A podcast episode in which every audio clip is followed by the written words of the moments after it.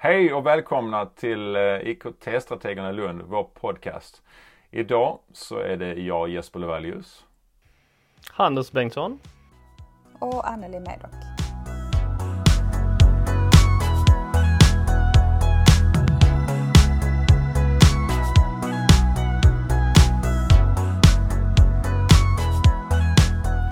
Vi tänkte prata om eh, Emelie Hahn, eh, guldäpplevinnare 2020. Eh, vi tänkte prata om just hennes sätt att arbeta. Eh, och vi har lite tankar kring hur Lund skulle kunna arbeta eh, med liknande arbetssätt som Emelie Hahn. Och Emelie Hahn som guldäpplevinnare, hon jobbar på årskurs 6 till 9. Hon har SO och tyska som ämne. Och jobbar då med med få in världen i klassrummet och klassrummet i, i världen om man ska sammanfatta det. Så har hon lite olika redskap för det. Och där har vi liksom grottat ner oss lite grann i hur skulle vi kunna titta på det här ur ett perspektiv, Lundaperspektiv. Hur skulle man kunna jobba eh, på ett liknande sätt i Lund? Och eh, då finns det lite olika saker. Och jag, jag tänkte jag ska läsa upp en grej som hon hade på sin presentation eh, när hon presenterade för, för juryn där. Och då tog hon upp Lgr 11. Och där står det, ett internationellt perspektiv är viktigt för att kunna se den egna verkligheten i ett globalt sammanhang och för att skapa internationell solidaritet samt att leva i ett samhälle med täta kontakter över kultur och nationsgränser. Så hon väver ju in det väldigt snyggt i hennes arbete hur hon jobbar viktigt på riktigt, där hon har riktiga mottagare och samarbetar med elever i andra länder. Jag måste säga att jag tycker att det är jätteviktigt att hon har blivit upplyst, upplyft i detta här. Eh, vi pratade innan om att det var ingen person som vi kände till. Hon har eh, flugit lite under radarn och är förmodligen känd i sina trakter där uppe vid Uppsala. Eh, men det här är ett jätteviktigt arbete att jobba på riktigt och nå ut och ha riktiga samarbetspartner ute i världen. Eh, och använda sig av de tjänster som finns för att få till det här samarbetet. Hon pratar om Erasmus, hon pratar om e-twinning. Där man ofta använder sig av båda tjänsterna. E-twinning där man kan nå ut och, och få kontakt med andra lärare och klasser för samarbete. Både att sätta upp egna samarbeten eh, som man vill, som man har tankar kring att bygga upp. Men också att bara titta vad är det för samarbete andra vill ha. Eh, och sen då i samarbete med Erasmus där man kan söka pengar för sina projekt. Det ligger verkligen i tiden att jobba på detta viset som hon gör. Ja, eh, okej. Ska, ska vi prata lite grann om, om eh, de sakerna som Emily nämner hon har i sin undervisning och som hon jobbar med. För det, det är en ganska gedigen lista. Så att, nästan så att man undrar, eh, jobbar hon överhuvudtaget med läromedel? Det gör hon säkert men men eh, tittar jag på den listan jag skrivit upp på de sakerna hon nämnde och där finns säkert fler saker. Eh, hon jobbar med verkliga mottagare. De har en filmfestival. Eleverna gör filmer. De jobbar med green screen. Eh, de jobbar till exempel med mänskliga rättigheter. Eh, de har eh, eh, tyska, I Tyskland så skapar de drömhus i Minecraft som de sedan får redovisa. Och sen så har de både nationellt, fysiskt och virtuella intervjuer där de ringer eller de kopplar upp sig eller de träffar fysiskt personer och gör dessa intervjuer, publicerar dessa. De har Erasmus-projekt och Erasmus-projektet Eh, det innebär ju att eleverna även åker till ett annat land. Så att om man nu har ett Erasmus-projekt med Tyskland så åker eleverna dit och bor där en vecka tillsammans med de andra eleverna och får gå i skolan och så. Eh, de använder Google Earth, de använder som jag sa innan green screen och sen så har de eh, Även jobbar de med fake news i sitt arbete med källkritik.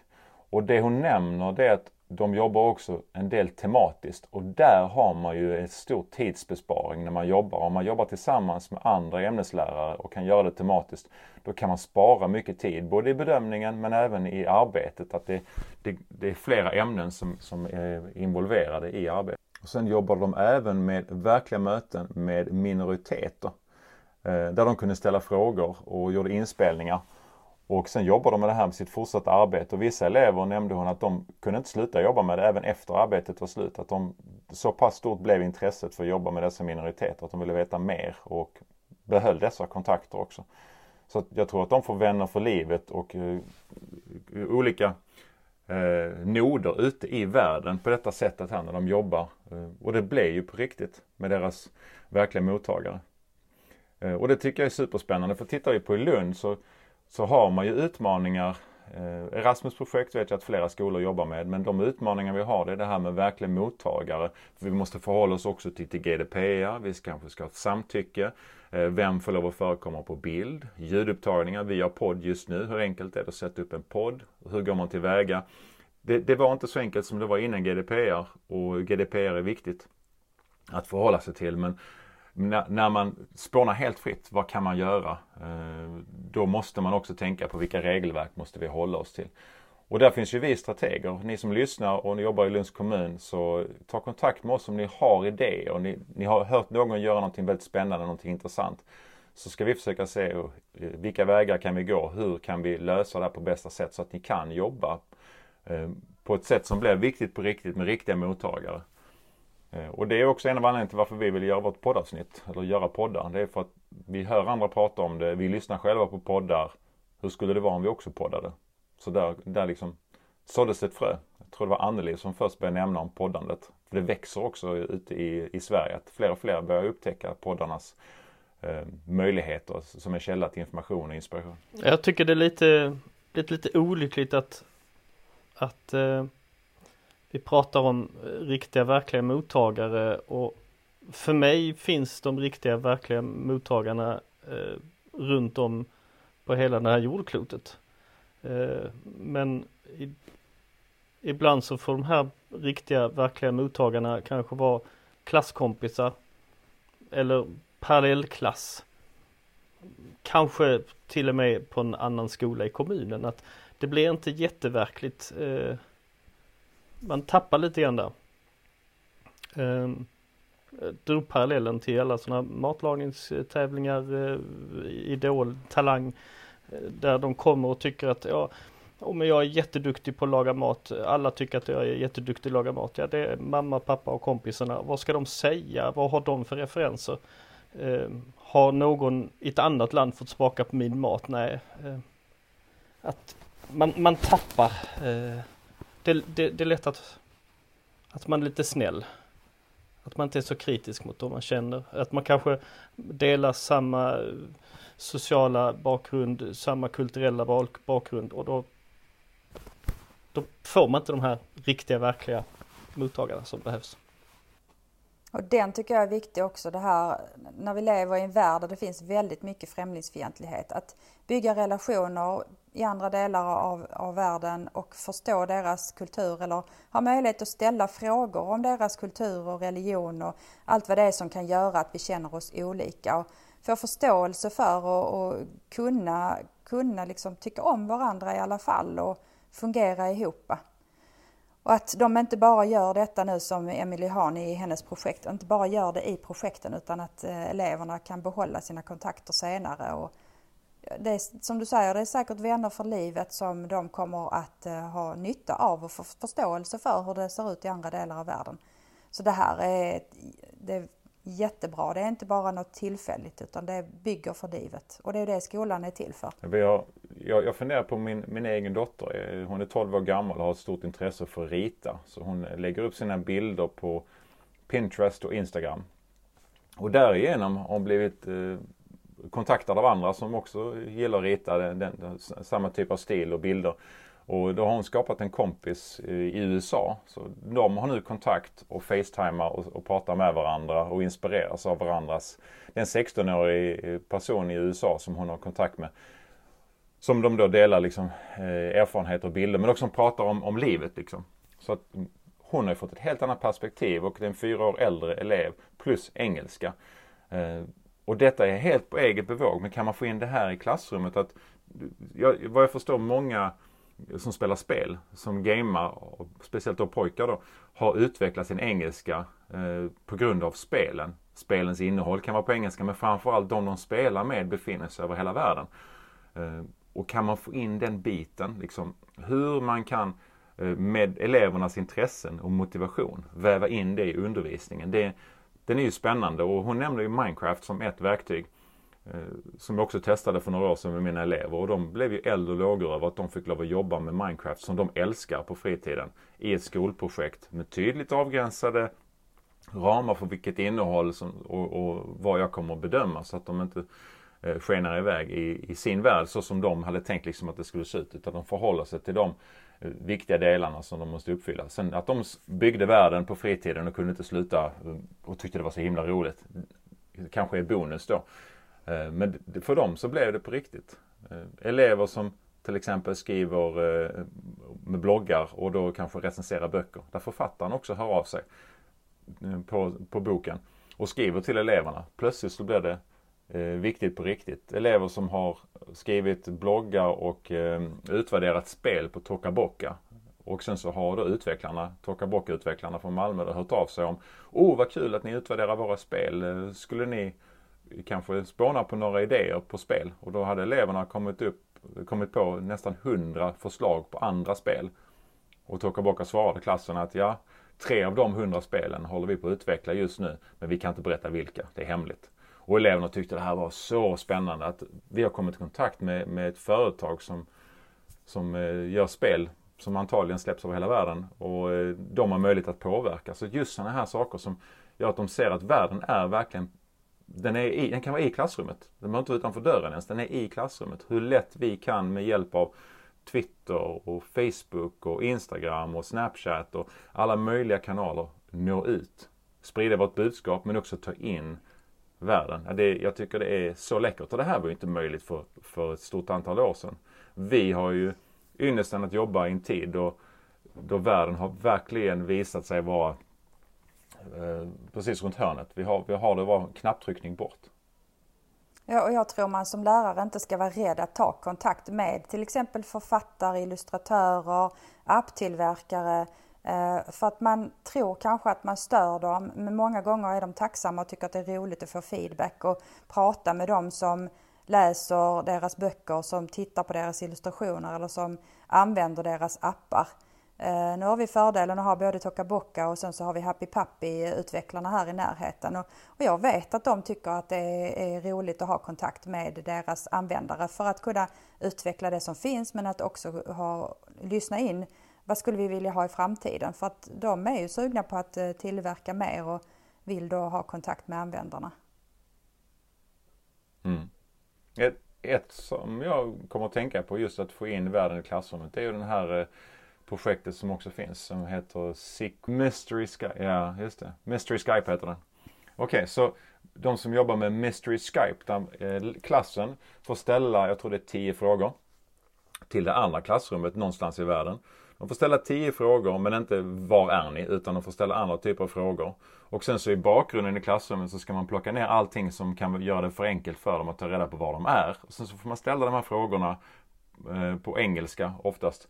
Eh, för att ta reda på var är det andra klassrummet. Och det tycker jag är så läckert. Bara att, att du kopplar upp dig till ett annat klassrum. Det blir, det blir liksom som att du är i samma klassrum nästan fast det är virtuella och digitala. Och, och tänk, jag, jag har tänkt på en, en grej. Tänk om man hade haft en, eh, säg en iPad uppsatt i en korridor som är uppkopplad till, ett annat, till en annan skolas korridor.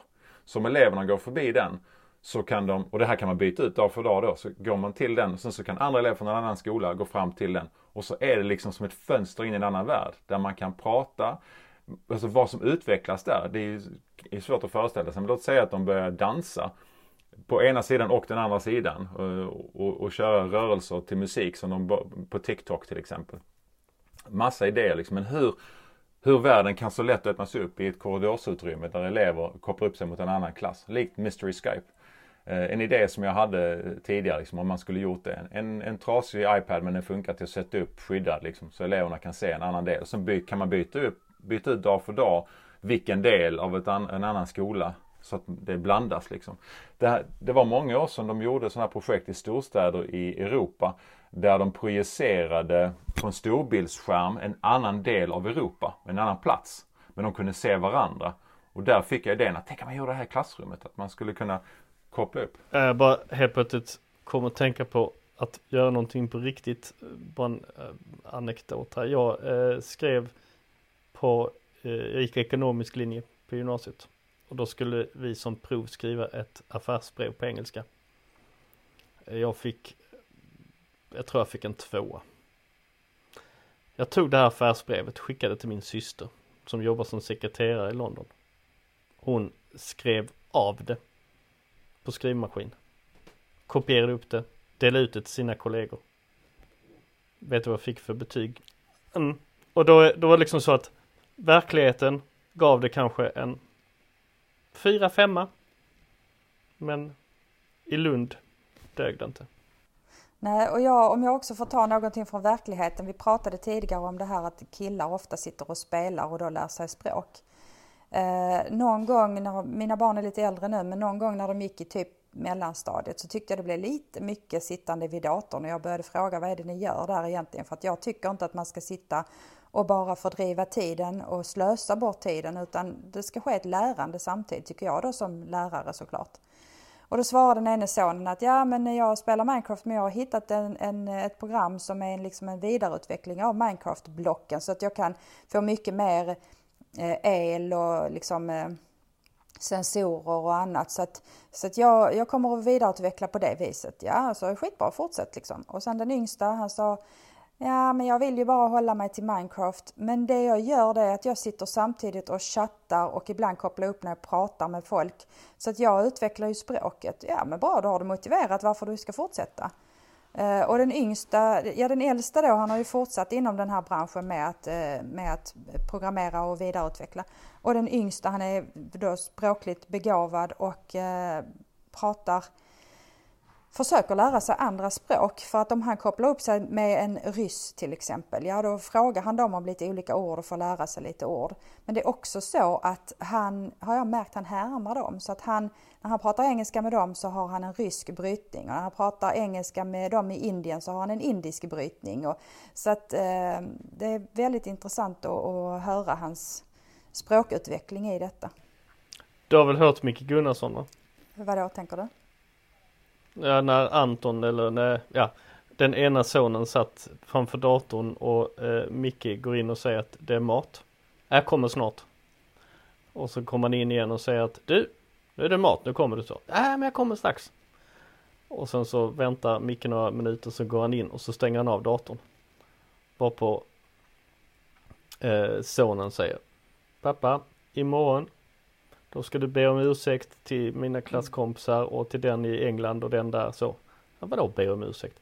Ja, vi satt här, jag var spelledare strategin, vi skulle, vi har misslyckats antal gånger och nu har du hittat bra strategi, jag var spelledare och ledde liksom och vi var mitt i attacken här när du bara stängde ner och allting liksom bara raserades. Så nu får vi börja om från början. Och förresten pappa, förra helgen när vi var och tittade på när brorsan spelade fotboll, mm, då grillade vi korv där.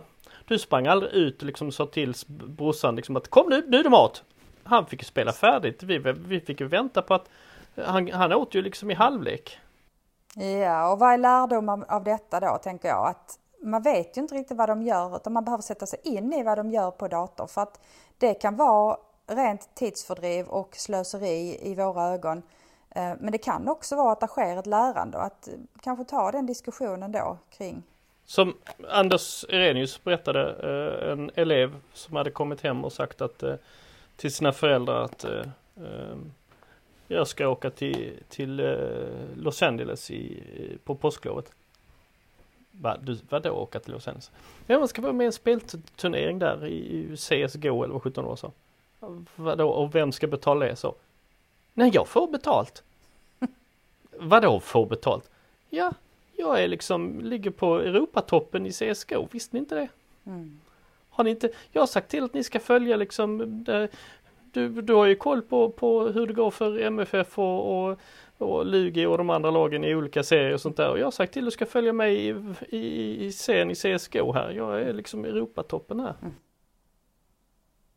Ja, som sagt, viktigt på riktigt. Jag känner att eh, nu, nu tror vi lite anekdoter här och eh, jag tror att de är väldigt lärorika. Så jag, jag eh, tänker att vi, vi behåller dem i det här poddavsnittet men att vi kanske tar och avslutar nu. Eh, och, och tänker att det Emelie Hahn ger oss det är att det ska vara viktigt på riktigt samarbete ute i världen. Och vill man försöka jobba på riktigt så, så kan man ju eh, lyssna på henne och eh, man, vi kan ju försöka bistå med de hjälp vi kan med att hitta riktiga mottagare.